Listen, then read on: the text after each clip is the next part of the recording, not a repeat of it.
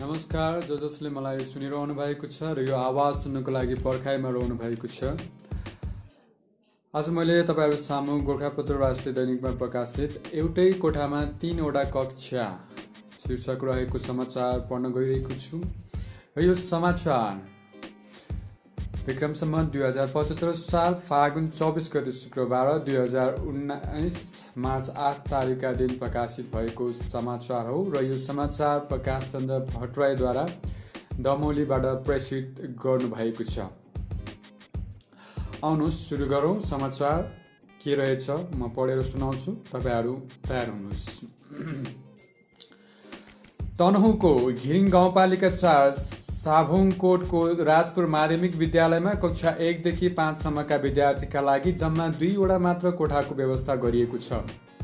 कक्षा पाँचसम्मका विद्यार्थी जम्मा दुईवटा कोठा कोठामा खाँदिएर पढ्नुपर्ने बाध्यता छन्।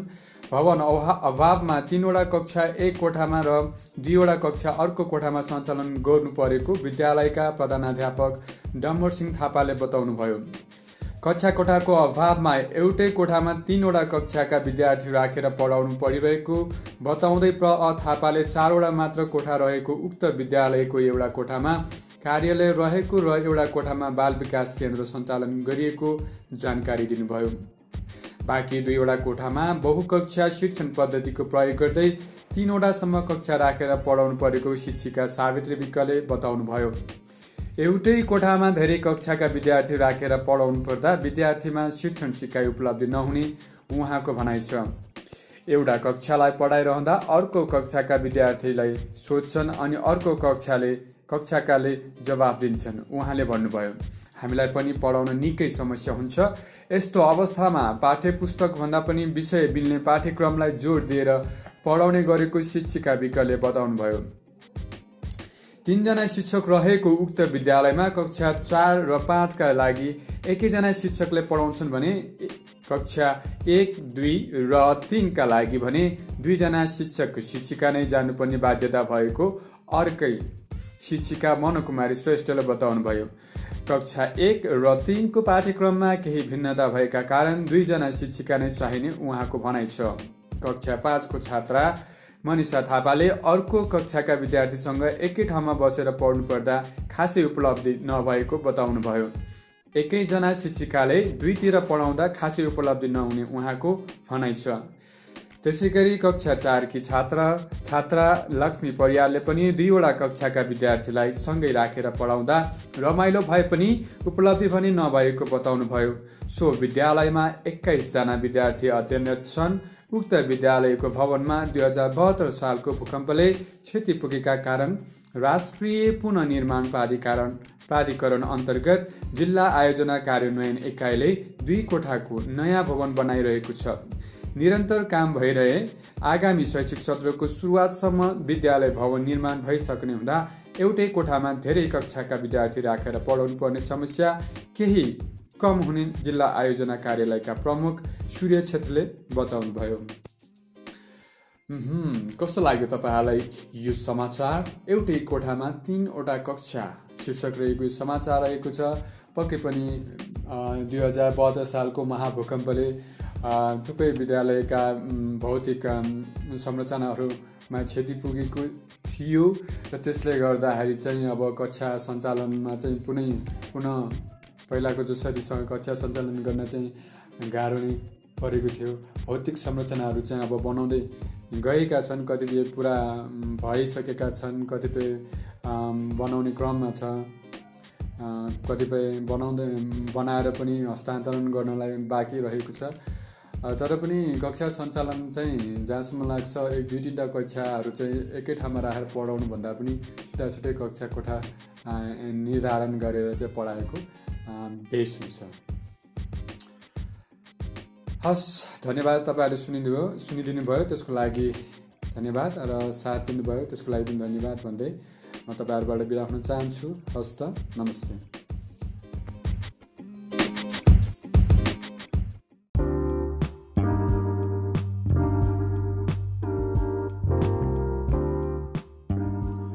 नमस्कार अनि सुस्वागतम। ज जसले मलाई सुनिरहनु भएको छ र यो आवाज सुन्नको लागि पर्खाइमा रहनु भएको छ।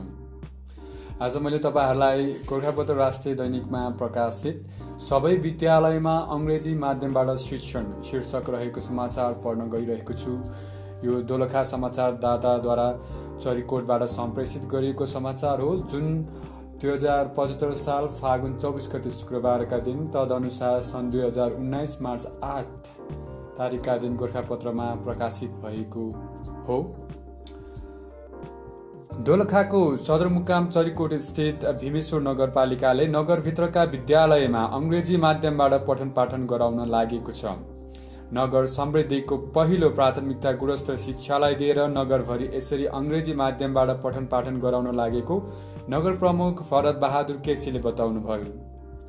उहाँका अनुसार पहिलो चरणमा यहाँ एघारवटा माध्यमिक विद्यालयका प्रधानाध्यापकसँग छलफल भइसकेको छ। अब सिकाइ उत्प्रेरणा कार्यमा कार्यक्रम मार्फत चरणबद्ध रूपमा मावि तथा आधारभूत विद्यालयका सबै शिक्षकसँग छलफल गर्ने तय भएको छ। यी सबै छलफलबाट अङ्ग्रेजी माध्यमबाट पठन पाठन गर्न के के समस्या छन् भन्ने निष्कर्ष आउने र सोही अनुसार पुनर्ताजगी पुनर्ताजगी तालिम समेत दिने सहमति भएको छ। अङ्ग्रेजीमा अब्बल बनाउन नगरभरि एउटै प्रकाशनका पाठ्य पुस्तक पढाउन यहाँका संस्थागत विद्यालयसँग पनि छलफल गराउने पनि उहाँले बताउनुभयो।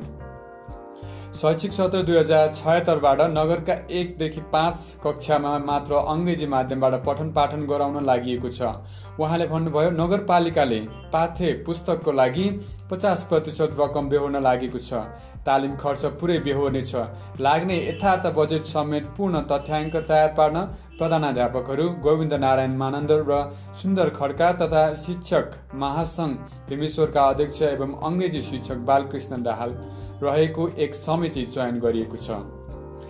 नगरपालिकाले नगर समृद्धि अन्तर्गतमा नगरभित्रका एकदेखि पाँच कक्षाका सबै विद्यार्थीलाई पोसाक तथा दिवा खाजाको समेत व्यवस्था गरिसकेको पनि उहाँले जानकारी दिनुभयो।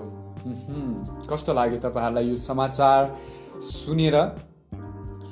के मेरो एउटा प्रश्न रहेको छ कि सबै विद्यालयमा चाहिँ अङ्ग्रेजी पढाउनु आवश्यक नै हो त?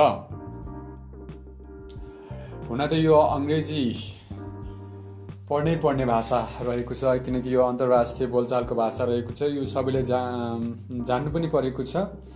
ठिकै छ। यसरी अङ्ग्रेजीलाई प्राथमिकतामा राखेर चाहिँ अगाडि बढेको त्यो राम्रै कुरा हो। समयको माग भनेर यसलाई बुझौँ। यसलाई नराम्रो तरिकाले नलिउँ। तर यति गरिरहँदा पनि हाम्रो नेपाली भाषा जुन राष्ट्रिय भाषा छ र मातृभाषा जुन त्यो आफ्नो पहिचान हो त्यसलाई पनि प्रवर्धन गरेको गरेर लग्दा चाहिँ अझै उत्तम हुन्छ भन्ने मेरो भनाइ छ। र त्यसपछि अर्को छ कुनै पनि विद्यालयमा चाहिँ अङ्ग्रेजी माध्यमको अथवा अङ्ग्रेजी बोल्ने लेख्ने सिक्ने वातावरण मिलाउनुको लागि चाहिँ शिक्षकहरूलाई पनि त्यही रूपमा पनि तयारी गर्नुपर्ने देखिएको छ जस्तै शिक्षकहरूलाई चाहिँ पुनर्ताजगीको तालिम दिने होइन? त्यसपछि आएर चाहिँ सबै विद्यालयहरूमा चाहिँ एउटै प्रकाशनको अङ्ग्रेजी पाठ्य पुस्तक राख्ने र त्यसपछि बजेट पनि व्यवस्थापन गर्नुपर्ने होइन? यस्ता कुराहरूले चाहिँ अङ्ग्रेजी माध्यमलाई चाहिँ अब प्रतिपादन गरेर चाहिँ अङ्ग्रेजी माध्यम शिक्षण शिक्षण सिकाइ चाहिँ प्रवर्धन गर्न सकिने यो समाचारबाट हामीले जान्न सक्छौँ। धन्यवाद। तपाईँहरूले सुनिदिनु भयो साथ दिनुभयो तपाईँहरूबाट आजबाट आजलाई म बिदा हुन्छु। हस्त नमस्ते।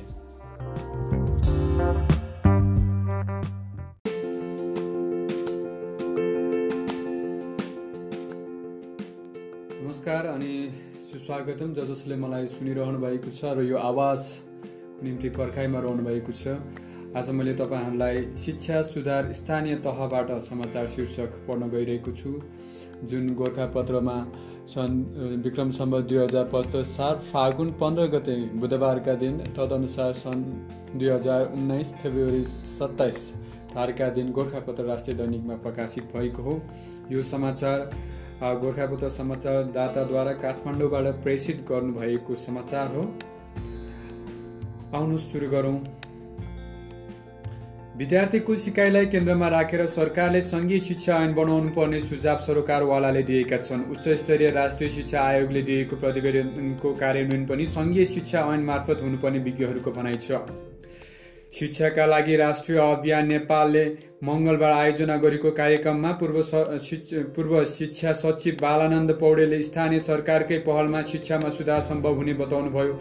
शिक्षाविद प्राचार्य डाक्टर वासुदेव काफ्लेले अभिभावकबाटै विद्यालय व्यवस्थापन समिति चयन गरिनुपर्ने उल्लेख गर्नुभयो चागु नारायण नगरपालिकाका प्रमुख सोम मिश्रले सार्वजनिक शिक्षाको सुधार्ने अबको कार्यसूची हुनुपर्ने बताउँदै विद्यार्थीविहीन अवस्थामा रहेका नगरपालिकाका छवटा सामुदायिक विद्यालयलाई खारेजी गर्ने तयारी गरिएको जानकारी दिनुभयो उच्च स्तरीय राष्ट्रिय शिक्षा आयोगको पूर्व सदस्य डाक्टर बाबुराम अधिकारीले आयोगको प्रतिवेदन को आधारमा सङ्घीय शिक्षा ऐन बनाइनु पर्ने बताउनु भयो भने शिक्षाविद डाक्टर विनय कोसियतले सञ्चालन र व्यवस्थापन स्थानीय सरकारलाई दिने गरी शिक्षाको प्रबन्ध मिलाइनु पर्ने सुझाव दिनुभयो।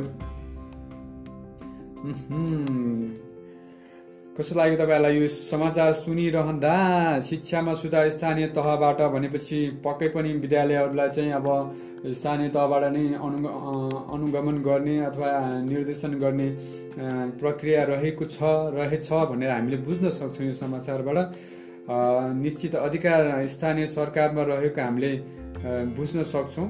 यसमा अब विद्यालय व्यवस्थापन समिति चाहिँ अब अभिभावकका अभिभावक सङ्घले नै चयन गर्नुपर्ने एउटा नयाँ कुरा रहेको छ। निकै पनि पक्कै पनि यो राम्रो व्यवस्था पनि हो।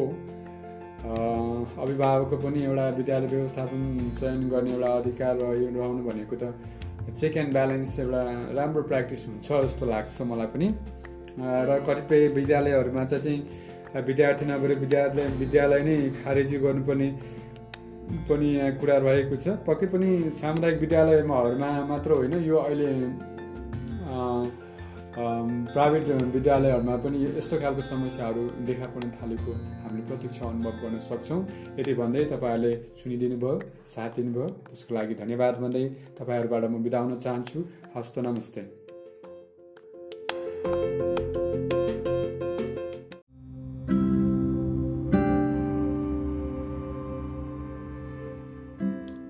नमस्कार अनि सुस्वागतम। ज जसले मलाई सुनिरहनु भएको छ र यो आवाज सुन्नको लागि पर्खाइमा रहनु भएको छ। आज मैले गोर्खापत्र राष्ट्रिय दैनिकमा प्रकाशित सम्पादकीय शिक्षकको विनिमय शीर्षकमा रहेको सम्पादकीय पढ्न गइरहेको छु। यो जुन चाहिँ दुई हजार पचहत्तर साल फागुन पन्ध्र गते बुधबारका दिन तदनुसार सन् दुई हजार उन्नाइस फेब्रुअरी सत्ताइस तारिकका दिन प्रकाशित भएको हो। सुरु गरौँ शिक्षकको विनिमय। नेपालको शिक्षा प्रणाली समयानुकाल समयानुकूल व्यवहारिक हुन नसकेको गुनासो छ। राज्यले नागरिकबाट उठाएको कर वा दात्री राष्ट्रले नेपाली जनतामा जनताका नाममा दिएको सहयोग लगानी गरी चलाइएका शैक्षिक संस्थाहरूको गुणस्तर खस्किँदै गयो। तिनले सीमित निजी लगानीका शैक्षिक संस्थाहरूसँग समेत प्रतिस्पर्धा गर्न सकेनन् भन्ने महसुस विद्वानहरूले पनि गरेका छन्। यथार्थमा सबै सरकारी सामुदायिक स्रोतबाट सञ्चालित शैक्षिक संस्थाहरूको गुणस्तर कामै नलाग्ने भएको छैन न त निजी क्षेत्रका सबै संस्थाहरू नै अब्बल साबित भएका छन्। शैक्षिक संस्थाहरूको गुणस्तरीयतालाई प्रभाव पार्ने अनेक पक्ष छन्। तीमध्ये पहिलो नम्बरमा गनिने त शिक्षक नै हुन्। शिक्षकको मिहिनेत इमान्दारी उच्च मनोबल तथा सिकाइप्रतिको लगाव विद्यार्थीको सिकाइ स्तर अभिवृद्धि गर्ने प्राथमिक शर्त नै हो। यद्यपि सबै शिक्षकको क्षमता योग्यता दक्षता समान कल्पना गर्नु उचित हुँदैन तथापि उनीहरूको अनुभव आदान प्रदानले उनीहरू स्वयं विद्यार्थी र सम्बन्धित संस्थाहरूको गुणस्तर अभिवृद्धिमा पनि सहयोग पुग्छ। यही तथ्य महसुस गरी ललितपुरको महालक्ष्मी नगरपालिकाले निजी र सामुदायिक विद्यालयबीच शिक्षक विनिमय आदान प्रदान कार्यक्रम सुरु गरेको छ। सो नगरपालिकाले सामुदायिक विद्यालयको शैक्षिक गुणस्तर सुधारका लागि भनेर सुरु गरेको यो कार्यक्रमले निजी क्षेत्रका विद्यालयको गुणस्तर सुधारमा पनि सहयोग नै पुग्न सक्छ। जसै राज्यले सम्पूर्ण बालबालिकालाई निशुल्क शिक्षा दिने दायित्वबाट पन्छेर निजी क्षेत्रलाई शिक्षाको जिम्मेवारी दिन थाल्यो तब शिक्षा व्यापारिक विषय बन्यो। राज्य स्रोतबाट चलिरहेका विद्यालयहरूमा अध्ययन अध्यापन गुणस्तर खस्किन थालेको महसुस हुन थाल्यो। अभिभावकहरूले टाइस सुट अङ्ग्रेजी भाषा र चर्को शैक्षिक शुल्कमा गुणस्तर देख्न र बालबालिकालाई निजी शैक्षिक संस्थाहरूमा ढकिन थाले। केही समय र कतिपय निजी शैक्षिक संस्थाहरूले तामझाम देखाउँदै विद्यार्थीलाई फाटफुट अङ्ग्रेजीमा बोल्न लेख्न सिकाए तर ती संस्थामा पढ्ने बालबालिकाले व्यवहारिक ज्ञान पाउन सकेनन्। आफ्नै नेपाली भाषामा कमजोर भए गाउँका वृद्ध हजुरआमाहरूलाई विद्यालयमा बोलाएर टुना दुना तपरी बनाउने सिप बालबालिकालाई सिकाउनु पर्ने अवस्था आएको छ। पूर्वीय परम्पराका गुरुकुलका गुरु जान्ने चेला विद्यार्थीको ज्ञान भण्डार बढाउने मात्र होइन व्यवहारिक पनि बनाउने हुन्छन् भन्ने विश्वास छ। तर त्यो विश्वास खस्किँदो छ। अब त्यसलाई जागृत गराउन सामुदायिक वा निजी क्षेत्रबाट सञ्चालित शैक्षिक संस्थाका शिक्षकहरू आफै सक्रिय हुनुपर्दछ उनीहरू निश्चित समय एक अर्को विद्यालयमा गएर पढाउने अनुभव आदान प्रदान गर्ने उपायमा सहभागी हुनु राम्रो हो। यस्तो कार्यक्रमबाट उनीहरूले निजी वा सामुदायिक विद्यालयका समस्या बालबालिकाको मनोविज्ञानबारे सिक्ने मात्र होइन कुनै क्षेत्रबाट सञ्चालित विद्यालयका शिक्षक जान्ने सुन्ने र अर्को क्षेत्रबाट सञ्चालित संस्थाका शिक्षक कामचोर अल्छी हुन्छन् भन्ने भ्रमबाट पनि मुक्त हुन अवसर पाउँछन्। नयाँ संविधानले शिक्षालाई स्थानीय तहको अधिकार क्षेत्रभित्र राखेको छ। यो व्यवस्थाको प्रयोगमा प्रारम्भिक पाइला चालिएको पनि छ। यद्यपि सरकारले विद्यालय शिक्षाको गुणस्तर सुधारका लागि पछिल्लो पटक गठन गरेको उच्च स्तरीय राष्ट्रिय शिक्षा आयोगको प्रतिवेदनले आगामी दस वर्षभित्र सामुदायिक विद्यालयहरूको गुणस्तर निजी क्षेत्रका विद्यालयको सरह बनाउने लक्ष्य लिएको छ। तथापि सबै निजी र सामुदायिक विद्यालयको गुणस्तरलाई एउटै तुलोमा राखिनु पनि हुँदैन। जहाँसम्म समान गुणस्तर बनाउने आवश्यकता हो त्यसका लागि संवैधानिक अधिकार प्रयोग गर्ने स्थानीय नगर सरकारहरूले राष्ट्रिय नीति लक्ष्यसँगै स्थानीय आवश्यकता र योजनाको तादा तादात्म्य मिलाउँदै शैक्षिक नीति तथा कार्यक्रमहरू कार्यान्वयन गर्न सक्छन्। जस्तो महालक्ष्मी नगरपालिकाले शिक्षक आदान प्रदान जस्तो रचनात्मक कार्यक्रम अगाडि सारेर दुई खालका विद्यालयको दूरी घटाउन खोजेको छ। अन्य स्थानीय तहहरूले पनि सिको गर्न सक्छन्। शिक्षक आदान प्रदान कार्यक्रम हामी कहाँ नयाँ लागे पनि यो विश्वमा एक अर्काको एक अर्का देशबीच हुने गरेको कार्यक्रम हो। राम्रा कार्यक्रमहरू जो जोबाट पनि सिक्न सकिन्छ जसले अर्काबाट सिक्न अभिरुचि राख्छ उसैलाई उसैले अरूलाई सिकाउन पनि सक्छ। कस्तो लाग्यो तपाईँहरूलाई शिक्षक विनिमय? समाचार विनिमय शीर्षक रहेको सम्पादकीय पक्कै पनि शिक्षकको कुनै विद्यालय बिच चाहिँ शिक्षकहरू आदान प्रदान गरिनु भनेको एउटा अनुभव साटासाट गर्नु हो र नयाँ कुरा सिक्नु हो। यो यसलाई चाहिँ प्राथमिकतामा राख्नुपर्छ। सबै विद्यालयहरूलाई चाहिँ का कार्यान्वयनमा चाहिँ ला लाँदा चाहिँ अझ राम्रो हुन्छ किनकि विद्यार्थीहरूले पनि नयाँ कुराहरू सिक्न पाउँछन् भन्ने मेरो पनि भनाइ छ मेरो पनि ठम्या छ। यति भन्दै तपाईँहरूले सुनिदिनु भयो साथ दिनुभयो। यसको लागि धन्यवाद भन्दै तपाईँहरूबाट म बिदाउन चाहन्छु। हस्त नमस्ते।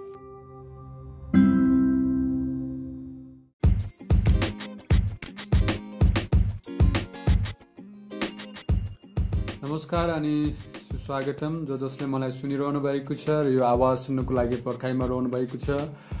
आदरणीय श्रोताबिनहरू आज मैले तपाईँहरूलाई गोर्खापत्र राष्ट्रिय दैनिकमा प्रकाशित समाचार पढ्न गइरहेको छु।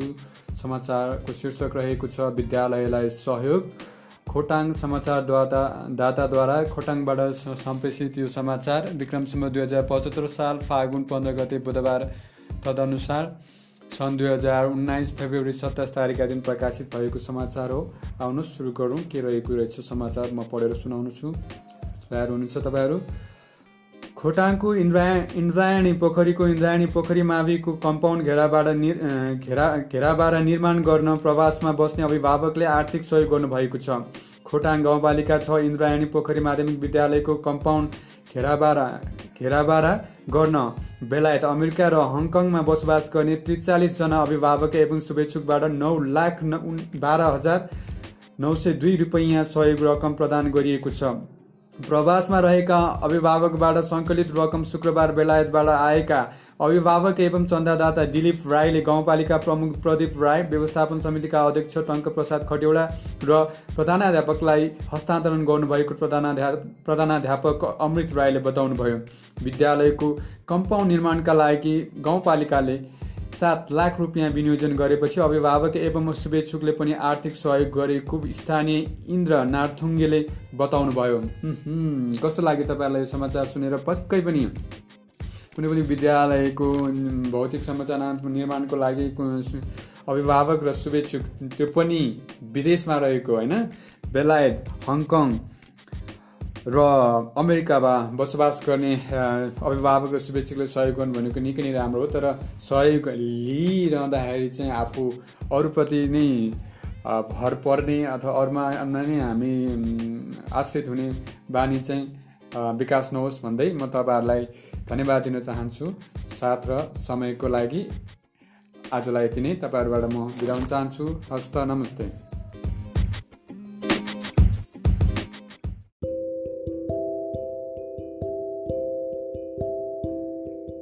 नमस्कार अनि सुस्वागतम। ज जसले मलाई सुनिरहनु भएको छ र यो आवाज सुन्नुको लागि पर्खाइमा रहनु भएको छ।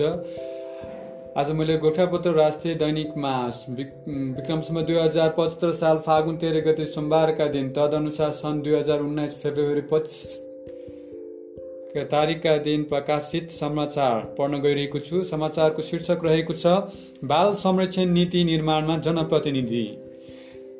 र यो समाचार सिन्धुपाल्चोकबाट चित्र मिजारद्वारा सम्प्रेषित गरिएको समाचार हो। आउनुहोस् सुरु गरौँ। बाह्र विषय नगरपालिकाका जनप्रतिनिधिहरू आफ्ना नगर र ओडामा रहेका बालबालिकालाई संरक्षण गर्ने नीति निर्माणमा लागेका छन्। सो नगरपालिकाको नगरपालिकाकी उपप्रमुख सुशीला पाखरिनले दिनुभएको जानकारी अनुसार नगरले नौवटा ओडामा रहेका सबै खाले बालबालिका का अवस्था सङ्कलन गर्न थालेको बताउनुभयो। जोखिममा रहेका बालबालिका बाल विवाहमा रहेका बालबालिका घरेलु मजदुरीमा रहेका बालबालिका टुहुरा सडक बालबालिका हिंसा बेचबिखनमा परेका बालबालिका लगायत सबै खाले बालबालिकाका अवस्था खोजी गर्दै उनीहरूको रहखितमा नगरपालिकाका नगरपालिका लागिरहेको उहाँले जानकारी दिनुभयो। वडा नम्बर चारका अध्यक्ष ज्ञानेन्द्र प्रसाद श्रेष्ठले बाल दास्ता बाल विवाह बाल यौन दुर्व्यवहार जस्ता बालबालिकाको समस्या समाधानका लागि वडाले नीति निर्माण पश्चात काम गर्न सहज हुने बताउनुभयो। वडा नम्बर सातका अध्यक्ष मिनबहादुर श्रेष्ठले वडाभरिका बालबालिकाको अवस्था पहिचान गर्दै आएको बताउनुभयो। वडा नम्बर दुईका अध्यक्ष बमबहादुर तामाङले बालबालिकाको सवालमा काम गर्दै आइरहेको र बालमैत्री स्थानीय शासन कार्यान्वयनमा वडाले जोड दिएको बताउनुभयो। उक्त नगरमा क्रियाशील ग्रामीण महिला सृजनशील परिवारका कार्य कार्यक्रम व्यवस्थापक रवि लोचन पौडेलका अनुसार सुन्दर भविष्यका लागि सुन्दर बालापन परियोजना अन्तर्गत बाह्र विषय नगर स्तरीय बाल संरक्षण नीति निर्माण सृजनशील र जोहानिटर नामक संस्थाले सहयोग गरेको छ। साथै जोखिममा परेका बालबालिका छनौट गरी उनीहरूको जीविकोपार्जन तथा शैक्षिक सहयोग गर्दै आइरहेको व्यवस्थापक पौडेलले बताउनुभयो। कस्तो लाग्यो तपाईँहरूलाई यो समाचार सुनिरहँदा? बाल संरक्षणमा संरक्षण नीति निर्माणमा जनप्रतिनिधिहरू। पक्कै पनि यो स्थानीय सरकार चाहिँ बाल बालबालिकाहरूलाई चाहिँ सहयोग र संरक्षण दिन अगाडि बढेको निकै नै राम्रो हो। त्यसको लागि चाहिँ पहिले नीति निर्माण गर्नु पनि त्यो पनि आवश्यक हो। तर नेपालमा नीति मात्र निर्माण नहोस् यसको कार्यान्वयन पनि होस् जस्तै बाल विवाह रोक्ने बा बाल यौन व्यवहार रोक्ने बाल बेचबिखन रोक्ने होइन? पीडितमा परेका बा बालबालिकाहरूको उद्धार गर्ने बाल मजदुरमा चाहिँ लाग्नलाई चाहिँ रोक लगाउने यस्ता अभियानहरू यस्ता जनचेतनाका कार्यक्रमहरू यस्ता पूर्व नियन्त्रणका कार्यक्रमहरू सञ्चालन गर्नु निकै नै राम्रो छ। यसले साथ पाइरहोस्।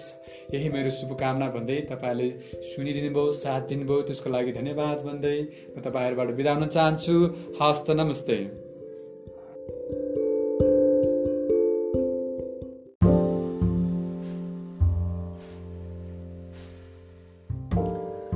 नमस्कार अनि सुस्वागतम। ज जसले मलाई सुनिरहनु भएको छ र यो आवाज सुन्नुको लागि पर्खाइमा रहनु भएको छ आदरणीय श्रोताबिन मैले आज तपाईँहरूलाई गोर्खापत्र राष्ट्रिय दैनिकमा प्रकाशित समाचार पढ्न गइरहेको छु। जुन समाचार दुई विक्रमसम्म दुई हजार पचहत्तर साल फागुन तेह्र गते सोमबार तदनुसार सन् दुई हजार उन्नाइस फेब्रुअरी पच्चिस तारिकका दिन प्रकाशित गरिएको समाचार हो। यो समाचार रुकुमबाट रुकुम समाचार दाताद्वारा प्रेषित गरिएको समाचार हो भने समाचारको शीर्षक रहेको छ विवाह खर्च विद्यालयलाई रुकुम पश्चिमको मुसिकोट नगरपालिका एक सल्लेका नरेन्द्र विक्क र खोटाङको दिक्टेल नगरपालिका सातको ऋण सातकी रिना राईले प्रगतिशील विवाह गरेर विवाहमा लाग्ने खर्च जति सबै विद्यालयमा सहयोग गर्नुभएको छ। विप्लव निकट नेकपाका रुकुम पूर्व जिल्ला सेक्रेटरी समेत रहनुभएका विकले आफूले प्राथमिक तह अध्ययन गरेको सरस्वती मावि सल्लेमा आइतबार वैवाहिक कार्यक्रम गर्नुभएको हो। छोरा बुहारीको चाहना अनुसार विवाह गर्ने सबै फुजुल फजुल खर्च कटाएर शैक्षिक उन्नति प्रगति तथा सामाजिक सेवाको काममा लगाउने निर्णय गरेको नरेन्द्रका बुवा फतेह सिंह नेपालीले बताउनुभयो कस्तो लाग्यो तपाईँहरूलाई यो समाचार सुनिरहँदा? पक्कै पनि विवाह खर्च आफ्नो लागि लाग्ने विवाह खर्च चाहिँ एउटा विद्यालयलाई प्रदान गर्नुभएको एउटा सामाजिक सेवाको भाव रहेको बुझ्न सकिन्छ भने विद्यार्थीहरूमा चाहिँ विवाह कार्यक्रम मनाएको एउटा विद्यालयका विद्यार्थीलाई पनि एउटा नयाँ वातावरण नयाँ मनोरञ्जनको वातावरण एउटा नयाँ माहौल पनि हुने गर्दछ भनेदेखि विद्यालय परिसरमा गएर विवाह गर्नु के उचित होला र? भन्ने एउटा प्रश्न पनि मनमा कता कता कता कता कता आएको जस्तो लाग्छ।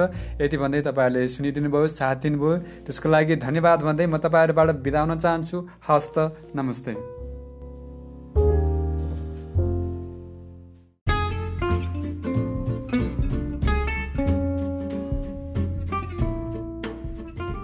नमस्कार अनि सुस्वागतम। ज जसले मलाई सुनिरहनु भएको छ अनि यो आवाज सुन्नुको लागि पर्खाइमा रहनु भएको छ। आदरणीय श्रोताबिनहरू आज मैले तपाईँहरूलाई गोर्खापत्र राष्ट्रिय दैनिकमा प्रकाशित शिक्षक आदान प्रदान कार्यक्रम सञ्चालन समाचार शीर्षक पढ्न गइरहेको छु। जुन समाचार सन् दुई हजार उन्नाइस फेब्रुअरी छब्बिस तारिकका दिन अथवा अर्थात् विक्रमसम्म दुई हजार पचहत्तर साल फागुन चौध गते मङ्गलबारका दिन गोर्खापत्र समाचारदाताद्वारा ललितपुरबाट प्रेषित गर्नुभएको समाचार रहेको छ। ललितपुरको महालक्ष्मी नगरपालिकाले निजी र सामुदायिक विद्यालय बीच शिक्षक एक्सचेन्ज कार्यक्रम सञ्चालन गरेको छ। सामुदायिक विद्यालयको शैक्षिक गुणस्तर सुधार गर्नका लागि नगरभित्रका सामुदायिक विद्यालयका शिक्षकले निजी विद्यालयमा र निजी विद्यालयका शिक्षकले सामुदायिक विद्यालयमा गएर अध्यापन गर्ने कार्य थालनी गरिएको हो। गणित विज्ञान र अङ्ग्रेजी विषयमा शिक्षक एक्सचेन्ज कार्यक्रम सञ्चालन गरिएको नगरपालिकाले जनाएको छ। अहिले वडा नम्बर नौ स्थित शुभतारा इङ्ग्लिस स्कुलका शिक्षक सोही वडाको सिङ्गेरी मावि र भ्याली पिपुल एकाडेमीका शिक्षक सिस्ने माविमा शिक्षक एक्सचेन्ज गरी पठन पाठन सुरु गरिएको नगरपालिकाका प्रमुख रामेश्वर श्रेष्ठले जानकारी दिनुभयो। उहाँका अनुसार अन्य सामुदायिक र निजी विद्यालय बिच पनि द्विपक्षीय सम्झौता गर्ने कार्य धमाधम सुरु भइरहेको छ। नगरभित्रका पन्ध्रवटा सामुदायिक र तेत्तिसवटा निजी विद्यालयबीच द्विपक्षीय सम्झौता गरी शिक्षक एक्सचेन्ज कार्यक्रम प्रभावकारी रूपमा कार्यान्वयन गर्न लागि प्रमुख श्रेष्ठले बताउनुभयो। कतिपय कुरा निजी विद्यालयले सामुदायिक विद्यालयबाट सिक्नुपर्ने र कतिपय कुरा सामुदायिक विद्यालयले निजी विद्यालयबाट सिक्नुपर्ने भन्दै प्रमुख श्रेष्ठले थप्नुभयो। शिक्षक एक्सचेन्ज कार्यक्रमले दुई विद्यालयको शिक्षण सिकाइ अनुभव आदान प्रदान हुने र त्यसले शैक्षिक गुणस्तर कायम गर्न टेवा मिल्नेछ। नगरपालिकाका प्रमुख प्रशासकीय अधिकृत लक्ष्मी प्रसाद रेग्मीले सामुदायिक विद्यालयको शैक्षिक गुणस्तर वृद्धि गर्न नगरपालिकाले शिक्षक एक्सचेन्ज कार्यक्रम सञ्चालन गरिएको र गरिएको र प्रारम्भिक चरणमा शिक्षकको उत्साहपूर्ण सहभागिता भएको जानकारी दिनुभयो। विज्ञान गणित र अङ्ग्रेजी विषयका विषयगत शिक्षकले हप्ताको चार दिन निजी विद्यालयका सामुदायिक विद्यालयमा र सामुदायिक विद्यालयका शिक्षकले निजी विद्यालयमा गएर अध्यापन गर्न सुरु गरे भएको छ। मासिक रूपमा नगरपालिकाले शिक्षक एक्सचेन्ज कार्यक्रमको समीक्षा गरी आवश्यक सुधार गर्ने नीति नगरपालिकाले लिएको छ। न संविधानले शिक्षा स्थानीय त शिक्षा स्थानीय तहको एकल अधिकार क्षेत्रभित्र रहेकाले स्थानीय तहले शैक्षिक गुणस्तर सुधार गर्नका लागि शिक्षक एक्सचेन्ज कार्यक्रम सञ्चालन गरी कार्यान्वयन गरिएको रेग्मीले स्पष्ट पार्नुभयो। ललितपुर कस्तो लाग्यो तपाईँलाई समाचार सुनेर? ललितपुर नगरपालिकाले चाहिँ यस्तो अब शिक्षक विनिमय भनिन्छ होइन शिक्षक एक्सचेन्ज प्रोग्राम भनेको छ। यो यो निकै नै राम्रो पनि हो। सामुदायिक विद्यालय र निजी विद्यालयहरूमा चाहिँ यसरी शिक्षकहरूको आदान प्रदान गर्नु भनेको एउटा अनुभव साटासाट पनि हो र भने नयाँ कुराहरू सिक्ने होइन? के छ त अब? नयाँ आफ्नो विद्यालयमा गएर सिक आफ्नो विद्यालयमा चाहिँ नयाँ कुराहरू के चाहिँ प्रतिपादन गर्न सकिन्छ? कस्ता कुराहरू नयाँ कुराहरू सुरुवात गर्न सकिन्छ भन्ने कुरा चाहिँ यसरी एक्सचेन्ज प्रोग्राम अथवा विनिमय कार्यक्रमबाट चाहिँ हामीले कुनै पनि शिक्षकहरूले चाहिँ नयाँ ज्ञान नयाँ आइडिया भनौँ न त्यो सिक्ने अवसर पाउँछ। यसले प्राथमिकता पाओस् भन्दै म तपाईँहरूबाट बिदा हुन चाहन्छु र त्यो बिदा हुनु अगाडि तपाईँहरूलाई समय र साथ दिनुभएकोमा चाहिँ धन्यवाद भन्दै म तपाईँहरूबाट बिदा हुन चाहन्छु। हस्त नमस्ते।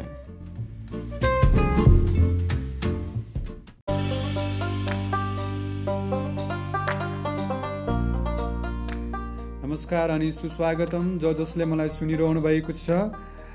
आदरणीय श्रोताबिनहरू आज मैले तपाईँहरूलाई गोर्खापुत्र राष्ट्रिय दैनिकमा प्रकाशित चोरीमा बालबालिकाको संलग्नता समाचार शीर्षक पढ्न गइरहेको छु। जुन चाहिँ विक्रमसम्म दुई हजार पचहत्तर साल फागुन चौध गते मङ्गलबार तदनुसार सन् दुई हजार उन्नाइस फेब्रुअरी छब्बिस तारिकका दिन प्रकाशित भएको समाचार हो भने यो समाचार बाबुराम शर्माद्वारा चरीकोटबाट सम्प्रेषित गर्नुभएको समाचार हो।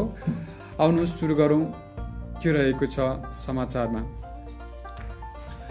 भविष्यका कर्णधार मानिने बालबालिका पत्याउने नसकिने गरी चोरी मुद्दामा संलग्न रहेको पाइएको छ। जिल्ला प्रहरी कार्यालय दोलखाको अभिलेख अनुसार गत वर्ष सैतिसजना र यो वर्ष बाह्रजना बालबालिका चोरी मुद्दामा संलग्न रहेका छन्। प्रहरीलाई पत्ता लगाउन हम्मे हम्मे परेको पनि प्रहरी नायब उपरीक्षक वासुदेव पाठकले बताउनुभयो। चरीकोटमा यस किसिमको बिगबिगी बढेको छ। उहाँका अनुसार दिन दहाडै घर फोरिन्छ चोरिन्छ चोर भन्ने पत्तै लाग्दैन। कतिपयले त प्रहरीकै संलग्नता त छैन भनी शङ्का पनि गर्न थालेका थिए। बढी निगरानी गरेर अनुसन्धान थालेपछि बल्ल चोर त फेला पर्यो तर आठ एघार उमेरका बालबालिका। उनीहरू होइनन् भन्न पनि सामा सामान बरामद भएका छन् बराद बरामद भएका छन्। बरामद भएका छन्। गत वर्ष सैतिस मध्ये नौ बालबालिका कानुनी कठघरामा आएका छन् भने अरू अठाइस बालक भएकै कारण उजुरी दिन नमानेपछि परामर्शका साथ अभिभावकलाई जिम्मा लगाइएको पनि उहाँले जानकारी दिनुभयो। उहाँका अनुसार यसपालि बाह्र उजुरी परेका मध्ये दुई मुद्दा दर्ता भयो भने अरू दस उजुरी नआउँदा परामर्शपछि अभिभावकलाई जिम्मा लगाइएको पनि प्र ना ऊ पाठकले बताउनुभयो।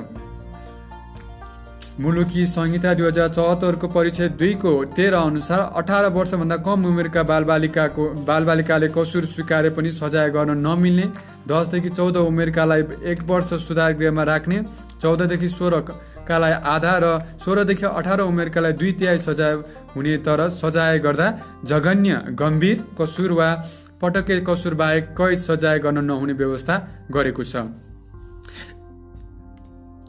त्यस्तै बालबालिका सम्बन्धी ऐन दुई हजार पचहत्तर अनुसार भने बालबालिकालाई कुनै सजाय गर्न नपाइने उल्लेख गरिएको छ। यहाँ विभिन्न अवस्थाका ज्याला मजदुरी गर्ने अभिभावकका छोराछोरी चोरीमा संलग्न देखिएका छन्। अभिभावकहरू मजदुरीमा जाने आफ्नो बच्चाको खासै चासो नराख्ने गरेकाले यसरी सङ्गत र लतमा फसेका देखिएका छन्। उहाँले भन्नुभयो घरमा कोही नहुँदा पहिला खानाको लागि चाउचाउ बिस्कुट चोर्ने गरेको र पछि पैसा मात्र चोर्ने गरेको पाइएको छ। अहिले चोरीमा कम भएको छ। कानुनले कारवाही गर्न नमि नमिलेका कारण पनि उनीहरूमा हौसला बढेको देखिन्छ। कस्तो लाग्यो तपाईँलाई यो समाचार सुनेर? चोरीमा बालबालिकाको संलग्नता। पक्कै पनि यो दुःखको कुरा हो। बालबालिकाहरू चाहिँ अब भविष्यको कर्णधार भनेर चाहिँ उनीहरूले शिक्षामा चाहिँ आफ्नो एउटा ध्यान केन्द्रित गर्नुपर्ने आफ्नो भविष्य कसरी बनाउने होइन? आगामी दिनहरू चाहिँ कसरी सुन्दर बनाउने भन्ने कुरामा चाहिँ लाग्नुपर्ने ठाउँमा चाहिँ अहिले नै चोरीमा संलग्न होइन जस्तै अब त्यो पनि खानेकुरामा र पैसामा चाहिँ चोरीमा संलग्न हुनु भनेको चाहिँ यो त समाज भोलि कता ढल्किँदैछ? समाजमा कस्ता जनशक्तिहरू चाहिँ अब रहने हो त होइन? कि चोरी चोरको समाज बनाउने हो त भन्ने एउटा प्रश्न त आयो नि अब त। पक्कै पनि अब फेरि उनीहरूलाई चोरेपछि अब सजाय दिन नमिल्ने होइन। परामर्श दिएर अभिभावकहरूको उपस्थितिमा चाहिँ परामर्श दिएर उनीहरूलाई सजाय नदिकन फेरि घरै फर्क फर्काउने भनेपछि त यो त अपराधलाई प्रशय दिइरहेको हो कि भन्ने पनि देखिन्छ। बरु त्यसलाई चाहिँ ट्र्याकमा राख्नको लागि चाहिँ अब अनुगमन गरिरहने अथवा मनोपरामर्शदाताले चाहिँ उसलाई चाहिँ अब साथमा मनोपरामर्शदाताले चाहिँ अलिकति त्यसलाई चाहिँ फेरि परामर्श दिइरहने उसको अब क्रियाकलापहरू हेरिरहनु पर्ने चाहिँ व्यवस्था मिलाउनु पर्छ हस् धन्यवाद तपाईँले सुनिदिनु भयो साथ दिनुभयो भने त्यसको लागि धन्यवाद भन्दै म तपाईँहरूबाट बिदा बिदा हुन चाहन्छु। हस्त नमस्ते।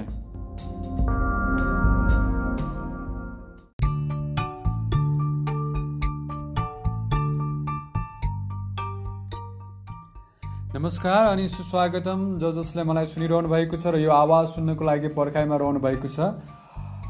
आज मैले तपाईँहरूलाई गोर्खापत्र राष्ट्रिय दैनिकमा प्रकाशित खस भाषाबाट पढाइ हुने समाचार शीर्षक पढ्न गइरहेको छु। जुन विक्रमसम्म दुई हजार पचहत्तर साल फागुन चौध गते मङ्गलबारका दिन तदनुसार सन् दुई हजार उन्नाइस फेब्रुअरी छब्बिस तारिकका दिन प्रकाशित भएको समाचार हो।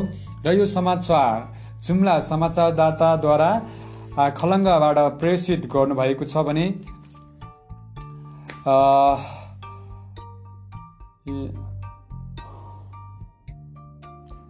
जुम्लाका स्थानीय तह खस भाषाको संरक्षण र सम्वर्धनमा जुटेका छन्। यहाँको तातोपानी गाउँपालिकाले नयाँ शैक्षिक सत्रदेखि यहाँका विद्यालयमा खस भाषाको पढाइ सुरु गर्ने तयारी गरिरहेको जनाएको छ। स्थानीय खस भाषा पछिल्लो पुस्तामा कम हुँदै गएको भन्दै गाउँपालिकाले विद्यालय स्तरबाटै पाठ्य पुस्तक निर्माण गरी यसलाई सम्वर्धन गर्न थालेको हो। गाउँपालिकाले पाठ्य पुस्तक निर्माण गर्नका लागि प्रमुख प्रशासकीय अधिकृत तथा खस समाज जुम्लाका सचिव खडानन्द चौलागाई संयोजन र संयोजक र स्थानीय भाषाका जानकार हरिबाबु चौलागाईको संयोजकत्वमा एक समिति गठन गरेको छ। समितिले तिन महिनादेखि काम गरिरहेको गाउँपालिका अध्यक्ष नवराज न्युपानेले जानकारी दिनुभयो। उहाँले भन्नुभयो विगतमा केन्द्रको मुख ताकेकाले भाषा लोप हुँदै गयो। अब स्थानीय सरकार नै स्थानीय स्थापित भएपछि संरक्षण गर्नुपर्छ। गाउँपालिकाले नीतिगत रूपमा खस भाषा र संस्कृतिको संरक्षण गर्नुपर्ने विषयमा जोड दिएको उहाँको भनाइ छ। खस भाषाको अध्ययनको लागि पाठ्य पुस्तक तयार भइसकेको र त्यसलाई अन्तिम रूप दिने बाँकी रह बाँकी रहेको पाठ्य पुस्तक निर्माण समितिका संयोजक हरिबाबु चौलागाईले जानकारी दिनुभयो। दुई हजार पचहत्तर चैत एक गतेबाट हाम्रो मातृभाषा खस भाषाबाट तातो पानी गाउँपालिकाका अठाइसवटै विद्यालयमा अध्याप अध्ययन हुने उहाँको दावी छ। तत्कालीन समयमा नेपाली भाषाको उद्गम स्थल जुम्लाको सिन्जाबाटै सबै भाषा विकास भए पनि अहिले खस भाषा स्थानीय बोलीचालीमा मा समेत कम हुन थालेपछि अगुवा चिन्तित भएका छन्। जुम्लामा भाषा र संस्कृति संरक्षण गर्ने भन्दै खस साहित्य समाज जुम्ला समेत गठन गरिएको छ। खस साहित्य समाज जुम्लाका अध्यक्ष रामकृष्ण बुढा थापाले भाषाको संरक्षण गर्न विद्या विद्यालय स्तरबाट जोड दिनुपर्ने बताउनुभयो। यसरी मातृभाषा केन्द्र नेपालको पहलमा स्थानीय भाषाका जानकारको सहभागिता जुम्ली खस भाषा लेखन शैली निर्देशिका समेत अगाडि बढाइएको छ। तातोपानी गाउँपालिकाले खस भाषाको पाठ्य पुस्तक अगाडि बढाएपछि पनि अन्य गाउँपालिका समेत सक्रिय भएका छन्। यसै गरी अर्को समाचार रहेको छ। सल्यानमा प्रारम्भिक कक्षा पढाइ।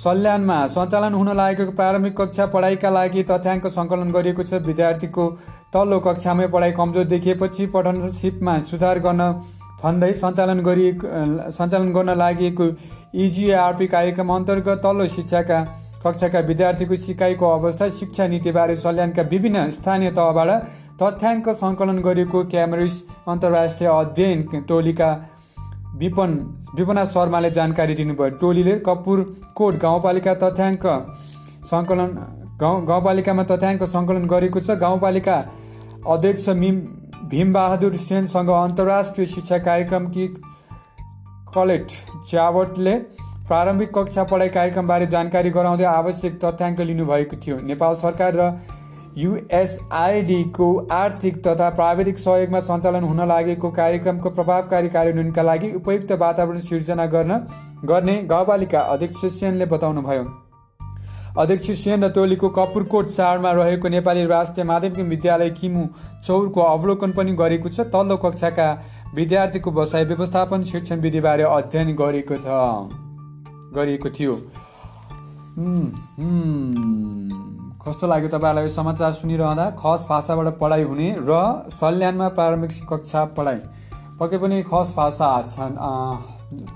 जुम्ला जुम्लाको सिन्जाबाट नेपाली भाषाको उत्पत्ति भएको मान्यता रहेको छ भने खस भाषाको सम्वर्धन र संरक्षणको लागि चाहिँ साहित्य समाजको गठन र स्थानीय स्कुलहरूमा चाहिँ स्थानीय सरकारले पाठ्य पुस्तक बनाएर पढाउन थालेको अथवा यो भाषालाई चाहिँ प्रवर्धन गर्न थालेको भाषाको संरक्षण गर्नेको गरेको निकै नै राम्रो हो भने प्रारम्भिक शिक्षा प्राथमिक कक्षा पढाइ सल्यानमा प्रारम्भिक कक्षा पढाइरहेको पढाइ सुरु भएको भनेको चाहिँ यो राम्रो पनि हो।